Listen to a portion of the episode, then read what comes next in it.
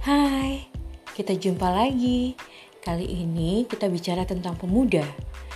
Kalau kita bicara tentang pemuda, maka tidak akan jauh daripada skill, opportunity, dan challenge yang mereka hadapi di masa pandemi. Kita bincang kali ini dengan Asdar dan cita-citanya.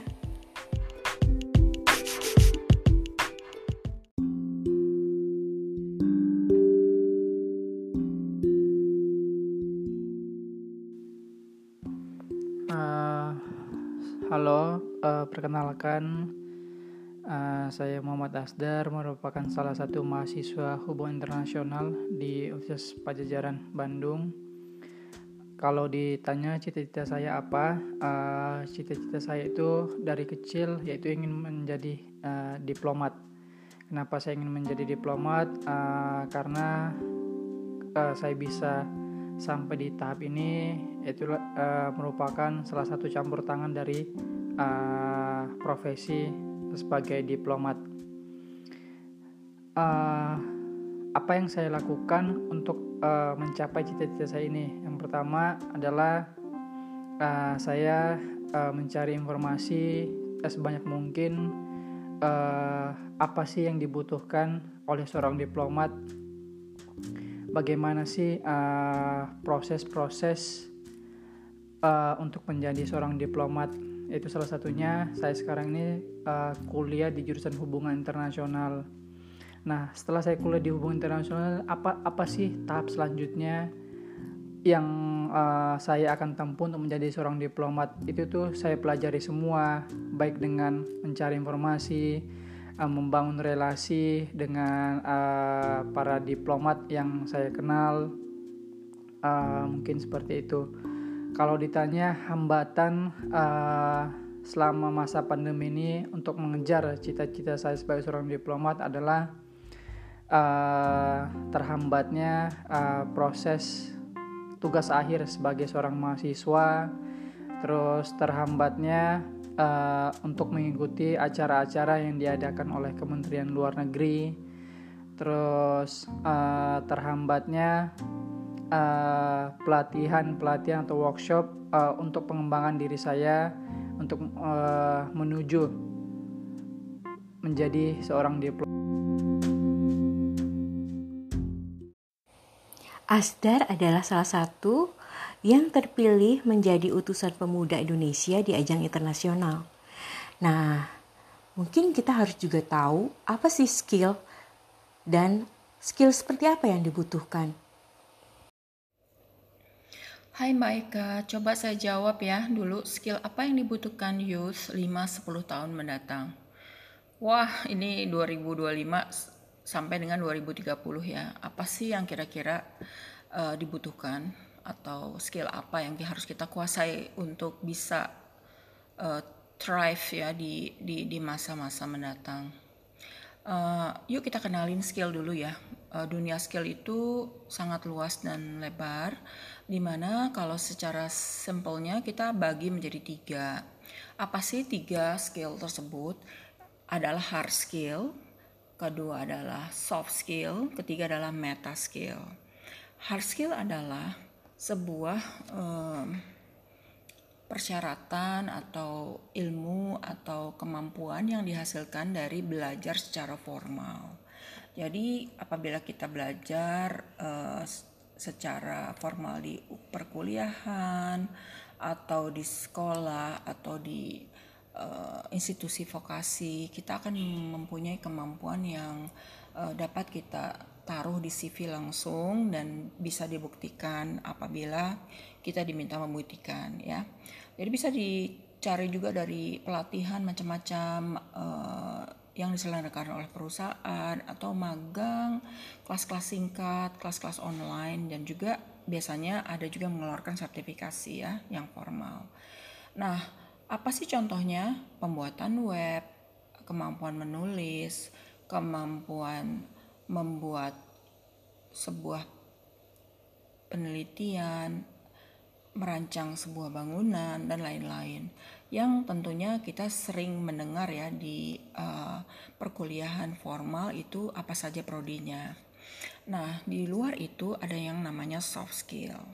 Jadi kalau dulu uh, hard skill itu kayak seorang arsitek cukup membawa ujian apa uh, ijazahnya sebagai arsitek dan hasil ujiannya uh, dia bisa melamar pekerjaan dengan uh, menunjukkan hal itu. Tapi saat ini karena begitu banyak juga uh, para pelamar pekerjaan, soft skill menjadi pertimbangan utama. Karena kalau soft skillnya baik biasanya hard skillnya bisa ditimba kembali. Sedangkan hard skill tidak berusia panjang dia sesuai zaman. Nah kalau kita ngomong tentang soft skill ini uh, hanya tumbuh apabila kita berhubungan dengan a group of people jadi sering juga disebutnya sebagai people skill ya. Tidak bisa diajarkan begitu saja, tapi harus terlibat, harus melakukan benar-benar pekerjaannya, situasinya sehingga kita bisa menunjukkan uh, kemampuan tersebut. Uh, salah satunya adalah kemampuan komunikasi, berkomunikasi yang isinya negosiasi, persuasi, presentasi, public speaking, dan lain-lainnya, termasuk komunikasi nonverbal. Dan ini nggak mudah karena ada intonasi nada, uh, gesture, gesture, ekspresi wajah, bahkan pendekatan-pendekatan informal. Nah, ekspresi ini akan semakin uh, apa ya uh, uh, luas itu apabila seorang ini telah berpengalaman banyak ya. Berikutnya ada yang namanya critical thinking, di mana di dalamnya ada kreativitas, fleksibilitas, curiosity, tingginya selera artistik daripada pelamar kerja, uh, kemauan belajar, ya, pola berpikir yang logis, problem solving dan lain-lainnya. Yang ketiga penting banget adalah kepemimpinan. Bagaimana menyelesaikan konflik, bagaimana mengambil keputusan, bagaimana melakukan men mentoring, supervisi dan lain sebagainya. Dan kepemimpinan polanya di dunia yang saat ini sedang berlangsung agak berubah. Bagaimana guru memfasilitasi murid, bagaimana para pimpinan memfasilitasi para anggota tim. Nah, di luar itu ada yang namanya perilaku baik atau compassion atau kita sebutnya meta skill ya. Uh, percaya diri terhadap tujuan hidup, Eh, kooperatif dalam tim, antusiasme tinggi dalam bekerja, integritas, uh, kesabaran uh, untuk mencoba dan mencoba lagi, selalu humor yang baik, jadi selalu entusias dan selalu positif, pembagian waktu yang imbang antara kerja dan kehidupan luar kantor, karena penting ya untuk menjadi orang yang balance dan lain-lain sebagainya. Kerja tim ini menjadi sangat penting karena nggak mungkin kita melakukan apa-apa sendiri kemampuan berkol kemauan berkolaborasi. Karena sering dengar kan mengenai kalau sendiri kita bisa jalan cepat tapi kalau mau jalan yang lebih jauh kita mesti bareng-bareng. Kemauan untuk menerima feedback ambil apa humble ya uh, jadi kita mau mendengar orang lain menerima keberagaman atau uh, apa diversity mempunyai empati kemampuan berjejaring dan bersosialisasi dan lain-lainnya ada lagi yang namanya etos kerja. Ini nggak kelihatan tapi bisa dibuktikan ya. Dedikasinya tinggi pekerjaan terorganisir deadline-nya terpenuhi kemampuan untuk multitaskingnya ada perencanaan yang sangat matang manajemen waktu yang baik performa yang baik di bawah tekanan dan lain-lain. Misalnya bisa mengantisipasi resiko. Uh, banyak ya kemungkinan-kemungkinan uh, yang harus kita gali uh, keterampilan-keterampilan yang harus kita gali juga kemungkinan-kemungkinannya banyak sekali. Nah saya ingin bacakan uh, survei dari LinkedIn, sebuah aplikasi network untuk networking untuk para profesional. Mereka menyebutkan bahwa uh, ada 5 soft skill utama dan 10 hard skill utama yang dibutuhkan, paling dibutuhkan oleh pemberi kerja atau perusahaan. Top 5 skillnya apa? Kreativitas, persuasion, collaboration, adaptability, dan emotional intelligence.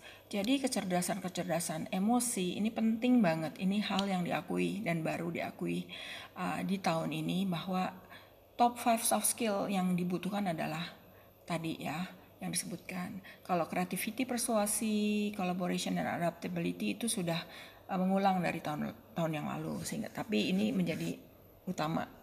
Top 10 hard skill ini banyak yang baru nih. Blockchain baru ya, affiliate marketing baru Lalu cloud computing, analytical reasoning, artificial intelligence, user experience design, business analysis, sales, scientific computing, dan video production. Aha, video production masuk ke dalam top 10 hard skill. Bisa dicoba ya, itu yang kelihatannya paling uh, achievable. Tapi bukan berarti kalian nggak bisa mencoba hal-hal yang baru seperti blockchain dan affiliate marketing. Tentu marketing sekarang mm, nggak mau merencanakan sesuatu yang linear, tapi mau merencanakan sesuatu yang eksponensial sehingga perlu affiliate marketing di mana yang kita sasar adalah Eh, kelompok-kelompok yang mempunyai jenjang sehingga bisa uh, mempunyai permutasi dan kombinasi untuk bertumbuh lebih besar lagi. Sekian sih kira-kira backgroundnya sehingga kira-kira skill apa udah bisa dibayangkan ya. Saya pikir Anda semua bisa membayangkannya. Penjelasan Mbak Wita dari IAP International Award for Young People sangat mendukung pencapaian pemuda terhadap tantangan dan pencapaian masa depan melalui penguasaan keahlian yang berproses, memberikan gambaran skill seperti apa yang dibutuhkan. Dan Ricky dari kota Manado punya cerita tentang cita-citanya.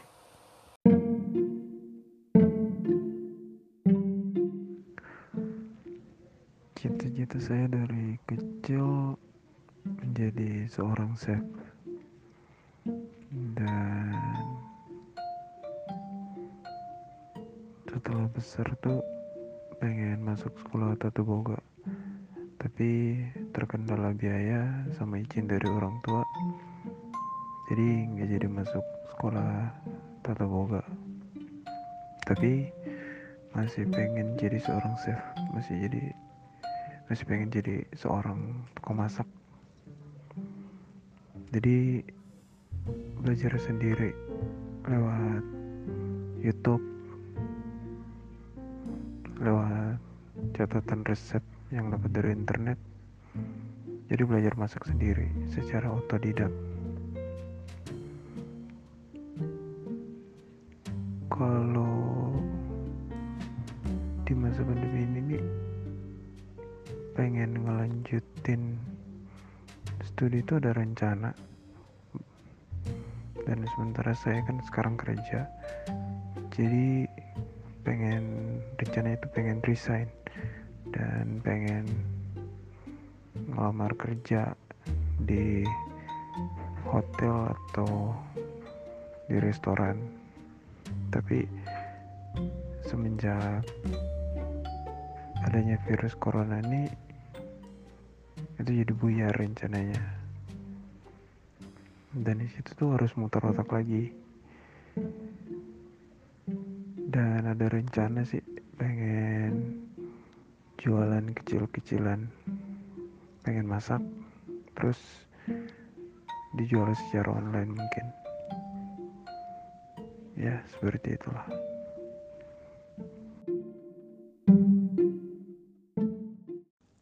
skill apakah yang dibutuhkan untuk youth atau para pemuda-pemudi untuk jangka waktu 5 sampai 10 tahun mendatang. Menurut aku pribadi, skill atau kemampuan yang dibutuhkan oleh para pemuda-pemudi adalah yang pertama harus terus kreatif untuk belajar hal baru. Belajar hal baru dalam artian uh, bukan harafiah yang kuliah atau mengambil title atau mengambil uh, studi lanjutan, tetapi belajar hal baru yang kita temuin sehari-hari. Misalkan untuk budaya organisasi, untuk uncertainty yang mungkin saat ini juga kita sedang alami, uh, ada sesuatu yang nggak bisa kita kontrol atau kita kendalikan terjadi dan ya menuntut kita untuk harus kreatif dalam belajar hal yang baru dan uh, contoh-contoh kasus lainnya. Berikutnya yang kedua adalah menurut aku harus punya skill critical thinking yang proper dalam artian nggak bisa semua hal itu kita telan mentah-mentah gitu. Jadi ya kita punya logical reasoning yang harus kita pakai uh, dengan background pendidikan yang kita punya, dengan experience yang kita punya, dengan literatur yang kita punya. Sehingga apa yang kita dapat, kita dengar, kita lihat itu nggak semata-mata langsung kita terima. Gitu aja gitu. Tapi harus ada critical thinkingnya dan harus uh, ada faedahnya nih. Apa nih faedahnya yang bisa diambil untuk uh, pembelajaran ke depannya yang ketiga menurut aku mengupayakan untuk uh, plant based resources atau sumber daya nabati. Karena kita tahu kondisi bumi kita nih sekarang udah semakin nggak baik nggak sehat gitu ya. Karena ya ulah kita juga sih dan memang bumi kita semakin tua. Nah tapi gimana sih ke depannya itu kita bisa memanfaatkan resources yang ada di alam ini tapi tanpa merusaknya. Nah itu penting banget tuh. Menurut aku sih untuk 5 sampai 10 tahun mendatang harus cukup memadai ya kondisi atau skill yang dimiliki untuk plant based resources ini. Mengelolanya dan juga bertanggung jawab untuk um, keberlangsungan si plant based resources ini ke depannya. Yang keempat berikutnya adalah punya integritas, artinya ya tidak menjadi orang yang pelin-pelan, tidak menjadi orang yang bermuka dua, tidak menjadi orang yang uh, nurut sama orang yang memberikan kita kepentingan yang lebih baik, tetapi bisa berdiri di atas kepentingan banyak orang, berdiri di atas uh, nilai dan norma yang baik, bisa berdiri di atas kejujuran, keadilan, jadi punya integritas.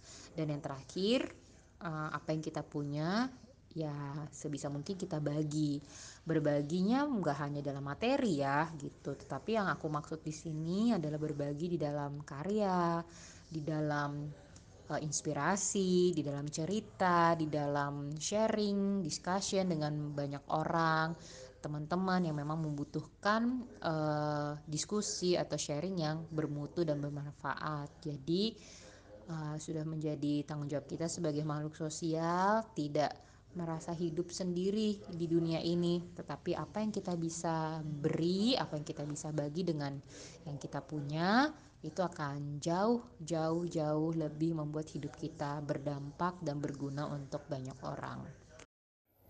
Ini pertanyaan kedua ya. Apa tantangan untuk menguasai skill tersebut di masa pandemi ini?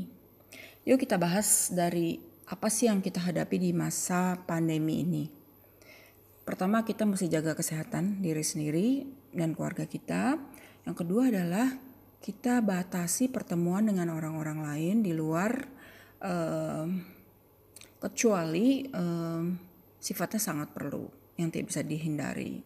Nah, penggantinya waktu kita tidak boleh ketemu dengan orang lain uh, ada ada sudah ditemukan yaitu teknologi bagaimana uh, mengadakan pertemuan atau berbicara atau mengkontak atau bahkan uh, visual communication dengan para pihak lain. Seperti kita benar-benar bertemu dengan mereka sendiri yaitu dengan video call dengan uh, meeting application yang sangat-sangat membantu kita. Ada dua hal di sini bagaimana kita menggunakannya uh, teknologi dan juga alat-alat yang berhubungan dengan hal itu plus juga bagaimana kita mengaksesnya mampukah kita mengaksesnya itu dua uh, hal yang harus dipecahkan dan merupakan tantangan yang harus kita lewati juga ya. Jadi bukan hanya pandeminya sendiri tapi kita ternyata harus menguasai hal-hal lain untuk bisa bebas berkomunikasi uh, dengan pihak lain. Kenapa sih kita masih tetap harus memelihara uh, istilahnya komunikasi dengan pihak lain? Tentu karena sebagai manusia kita tidak bisa uh, tidak berhubungan karena berinteraksi dengan orang lain itu bisa menghasilkan hal-hal yang baik satu misalnya kita belajar. Kedua kita menggali ilmu atau mengajar atau memberikan ilmu. Uh, ketiga mungkin kita juga membuat aktivitas-aktivitas interaksi atau situasi atau uh, event yang sifatnya virtual. Sudah banyak kita temuin sekarang seperti webinar atau misalnya virtual uh, workshop atau virtual fair itu uh, menurut saya uh, setelah saya jalani memang pertama-tama agak aneh tetapi menurut saya daripada kita tidak bertemu siapa-siapa dan menumpulkan kemampuan kita untuk bersosialisasi atau mempunyai skill people skill yang baik uh, kita mempunyai gantinya gitu. Itu bisa sangat efektif dilakukan di suatu virtual um, education uh, istilahnya fair. Uh, saya di disapa oleh seseorang yang ternyata bukan dari uh, negara kita. Sehingga usaha kita pun berkembang berhubungan dengan pihak lain yang menawarkan uh, network atau jaringan uh, di Asia. Itu saya sangat uh, apa ya amazed ya dengan prosesnya karena sangat cepat di dalam satu jam saya diminta menghubungi kembali lalu kita mengenalkan seluruh jaringan yang kita miliki dan uh, mereka menjadi part dari uh, penyelenggara program kami.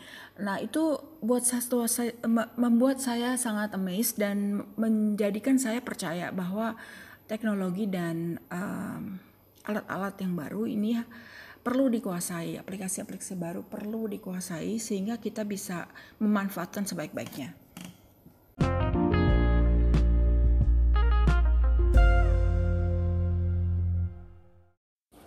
Setelah mendengarkan curhat dari Asdar dan Ricky yang dilanjutkan dengan uh, ulasan tentang skill dan tantangannya di saat pandemi, maka ingin tahu juga peluang kerja apa sih yang akan berkembang di masa depan?